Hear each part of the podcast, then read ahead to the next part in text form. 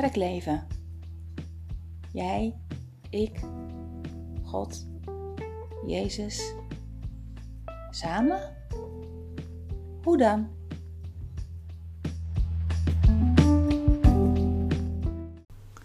Welkom terug bij de podcast Kerkleven. En in het tweede seizoen hebben we het over Gods stad of de stad van God. En ik ga je vandaag weer meenemen een stukje verder, een stukje verder op de ontdekkingstocht. Waar we vorige keer in Genesis begonnen, bij het begin in de tuin, gaan we nu naar het einde toe van de, van de Bijbel. We gaan de berg op. En wat ik je vooral wil vragen is om je voorstellingsvermogen is in te schakelen. Luister.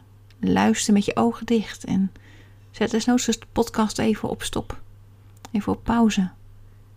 En bedenk je hoe iets eruit ziet. En als je daar moeite mee hebt, zoek iets wat uh, een voorbeeld is voor je. Als ik het heb over parels. Bedenk even hoe een parel eruit ziet. Bedenk even hoe de binnenkant van een schelp eruit ziet. Parelmoerachtige glanzen. Het kan je zo helpen als je uh, woorden omzet naar een beeld. Ik hoop dat dit nog even een uh, goede aanvulling is en een goede inleiding is voor dat wat er nu volgt.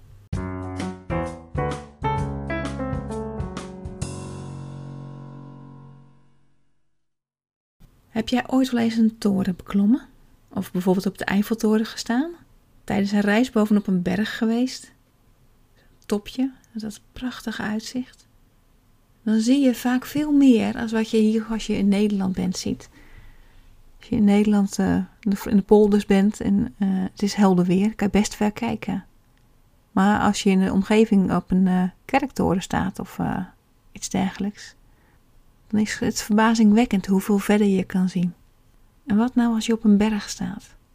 Hoeveel meer kan je dan wel niet zien? Ja, oké. Dan is meestal de omgeving ook wat meer bergachtig. Maar stel dat je een hoge berg hebt waar je op kan staan. En je kan echt gewoon heel ver kijken. Vandaag gaan we naar een hele hoge berg. Daar waar we vorige keer met Adam door de tuin liepen, gaan we vandaag met Johannes de berg op. Een grote sprong, een steile klim. Van het begin van de Bijbel naar het einde. Johannes is meegenomen door de geest naar een hele hoge berg. Nou, daar heeft hij wel een heel helder zicht. Veel helderder dan wij kunnen zien. Het is de voleinding van de tijd. Alles vanuit de Bijbel komt bij elkaar. Alles is compleet en alles wordt afgesloten. Daar waar we vorige keer in de tuin waren, bij het begin, zijn we nu bij het eind. Kom mee naar die hoge berg. Kijk samen met Johannes naar iets prachtigs. Ik lees me vanuit de NBV-vertaling. Openbaring 21, vers 9 tot 11.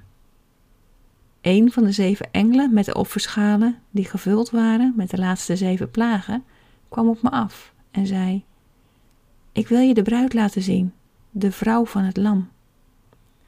Ik raakte in vervoering en hij nam me mee naar een hele hoge berg en liet me de heilige stad Jeruzalem zien, die uit de hemel neerdaalde, bij God vandaan. De stad schitterde door Gods luister, met een schittering als van een edelsteen, als een kristallenheldere jaspis. En verder openbaringen 21, 18 tot 23. De muur was gemaakt van jaspis en de stad zelf was van zuiver goud, helder als glas. De grondstenen van de stadsmuur waren versierd met allerlei edelstenen. De eerste was een jas van jaspis, de tweede van lazuur, de derde cornelijn, de vierde smaragd, de vijfde sardonyx, de zesde sarder, de zevende olivijn, de achtste aquamarijn, de negende topaas, de tiende turkoois, de elfde granaat en de twaalfde amethyst. De twaalf stadspoorten waren twaalf parels. Elke poort een parel op zich. De straten van de stad waren van zuiver goud en schitterden als glas. Maar een tempel zag ik niet in de stad, want God, de Heer, de Almachtige, is haar tempel met het lam. De stad heeft het licht van de zon en de maan niet nodig. Over haar schijnt Gods luister en het lam is haar licht. Openbaringen 22, vers 1 en 2. Hij liet me een rivier zien met water dat leven geeft. De rivier was helder als kristal en ontsprong aan de troon van God en van het Lam. In het midden van het plein van de stad en aan weerskanten van de rivier stond een levensboom, die twaalf vruchten gaf, elk maand zijn eigen vrucht. De bladeren van de boom brachten de volken genezing. Wat zie jij? Kijk je goed? Ging ook allemaal best wel heel snel. Als we nu samen rustig met Johannes kijken. Wat zie jij dan? Ik zie als eerste een stad. Een stad, een eh, fundament gebouwd met stenen. Stenen die we volgens mij de vorige keer zagen in de tuin, aan het begin van de tijd. Dezelfde stenen zien we hier in de stad. We zien nog meer wat we ook in de tuin zagen. We zien goud. Heel veel goud. De stad is van zuiver goud. Herinner je je nog dat we goud zagen in de rivier, waar Adam het water door zijn handen liet stromen en het vlokjes goud zag dwarrelen in het water? Het lijkt erop dat het goud uit de rivier hier is gekomen. Het ziet er een beetje anders uit dan toen. Het goud is door de eeuwen heen veranderd in de stad. Het goud is verwerkt, samengesmolten, gelouterd tot het meest zuivere goud dat je maar kan hebben. Zo zuiver dat je er doorheen kan kijken. Zo transparant, het lijkt wel glas. Het fundament, de grondstenen van de muur, die zijn versierd met edelstenen. De prachtige, schitterende stenen die verspreid lagen in de tuin, zijn ze één voor één opgepakt en hebben ze een plekje gekregen hier in deze muur? Het goud van de straten. Het schittert zo geweldig dat je bijna niet kan kijken. Maar kijk eens verder. Wat zie je nog meer? De poorten. Heb je de poorten al gezien? Het zijn de parels, de bedillium, die vorm hebben gekregen. Ze zijn de poorten geworden van de stad, elke poort gemaakt van parel. De parels die ooit verspreid lagen in de tuin. God heeft ze gebruikt om deze schitterende poorten van te bouwen. En de stenen die ooit in de tuin lagen, zijn nu verzameld in een prachtige, schitterende muur. Vraag me niet om het te verklaren, maar deze stenen leven. Ze liggen niet meer in de tuin verstopt, verstrooid, maar ze zijn samengebracht, in elkaar gepast als in een puzzel. En als je omhoog kijkt, en schrik niet, maar volgens de NBV Studiebijbel is het omgerekend, kijk je omhoog 22 kilometer. En 22 kilometer omhoog zie je niets anders dan perfect in elkaar passende stenen. Levende stenen. Oh kom, laten we verder kijken samen met Johannes. Kijk, observeer. Kijk waar je op loopt. Het is een straat van zuiver goud. Het goud uit de rivier, je loopt er overheen. Het goud was niet voor niets in de rivier, het had een bestemming. En kijk nog even goed naar al die prachtige edelstenen die je tegemoet schitteren. Kijk eens van dichtbij. En word overweldigd door al die kleuren. Loop een paar stappen terug. En zie het geheel, die muur, die explosie van kleuren. Oké. Kijk nog eens goed om je heen. Wat is er niet? Wat mis je? Ik zie geen tuin meer. De tuin is weg. Er is geen tuin in deze stad. De tuin is stad geworden. De tuin, eens op aarde, nu de stad in de hemel. We kijken nog even verder, want er mist nog iets. Toen Adam in de tuin liep, keek hij omhoog en overdag zag hij de zon en zodra het nacht werd de sterren en de maan. Maar ze zijn er niet meer.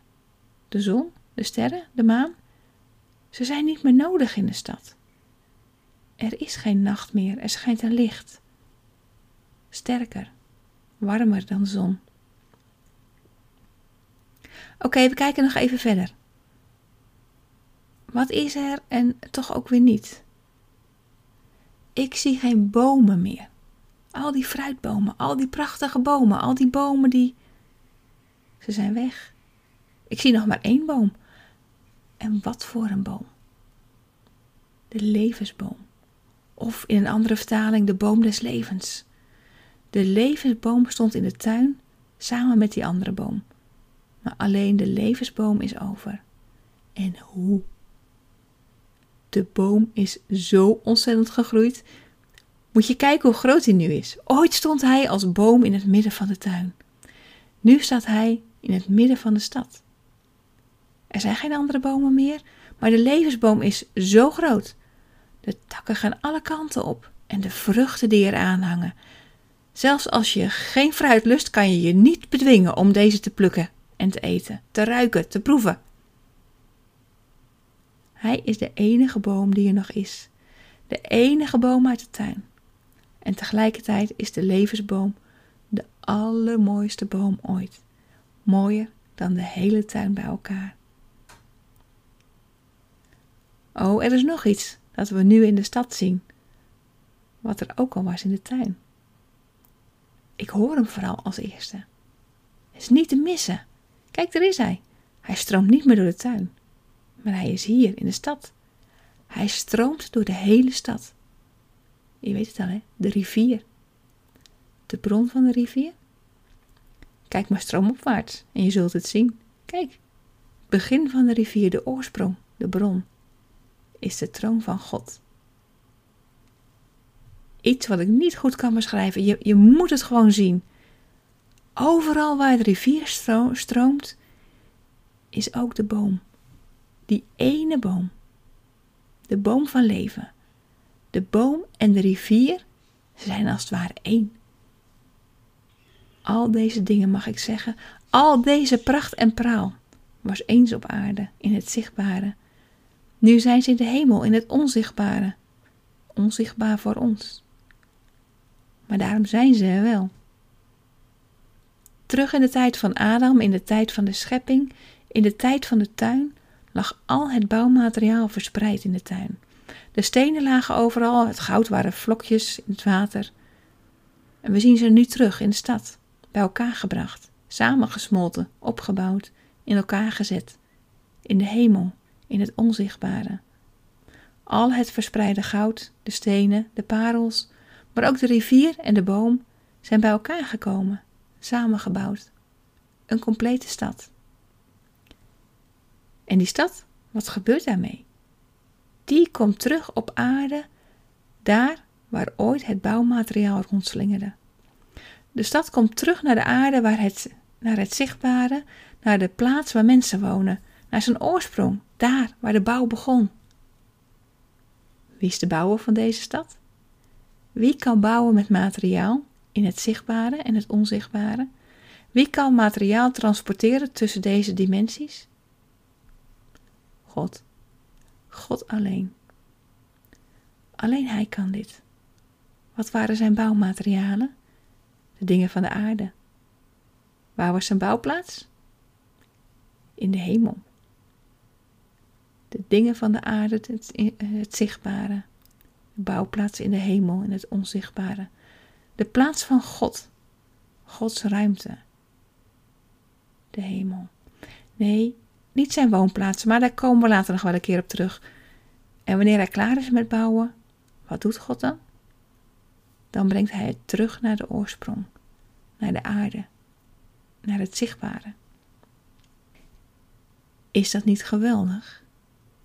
God neemt iets van de aarde, bouwt daarmee in de hemel en brengt het vervolgens terug naar de aarde. En ja, ik weet dat ik het nu al heel vaak heb herhaald.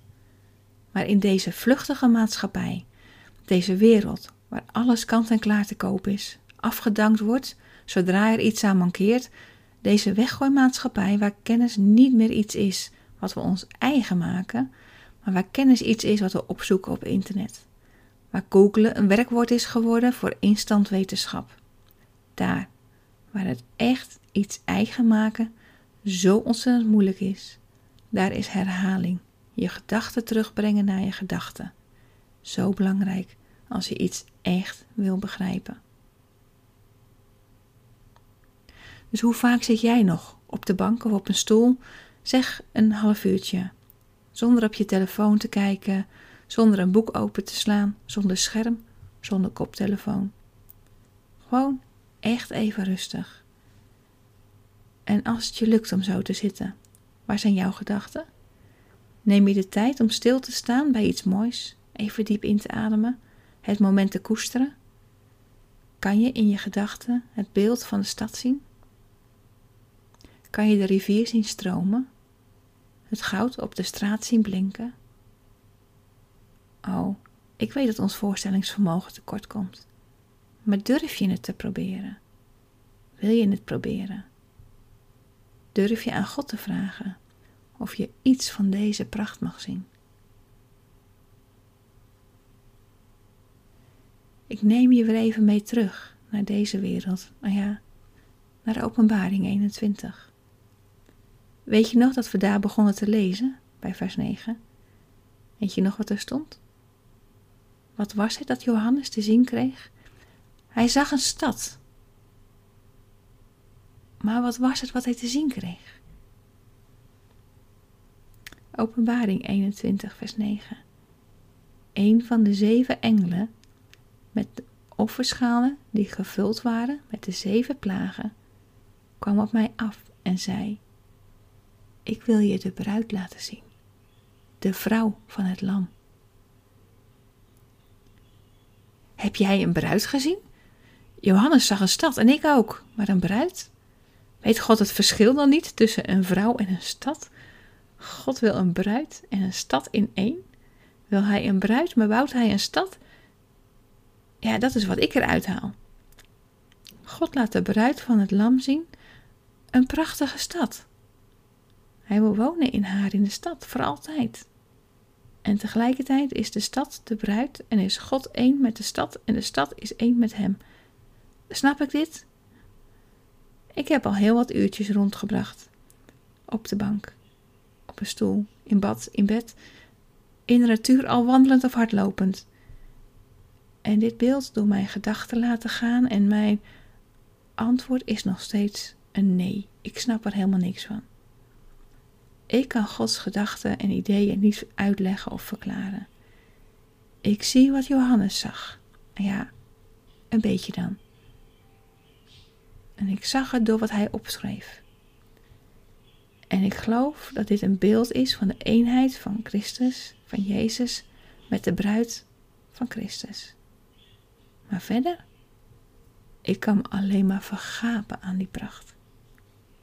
Eén ding staat echter wel buiten kijf voor mij. God nam aardse materialen, bouwde een stad in zijn ruimte in de hemel en brengt deze stad terug in de ruimte van de mens, het zichtbare, terug naar aarde.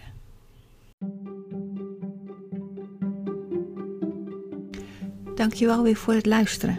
En ik hoop dat het beeld van de stad de komende dagen, en misschien wel langer, met je meegaat in gedachten. Op die momenten dat je even niks doet, niks wil doen.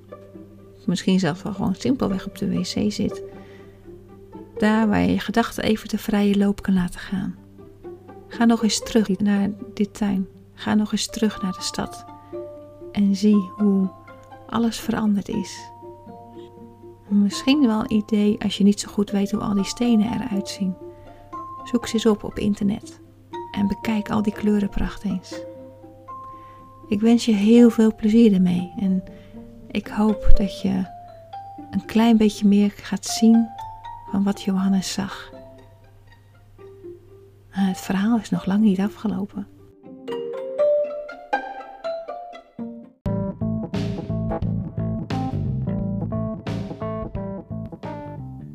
Samen Dat kan via e-mail. Mail mij op info kerkleven.nl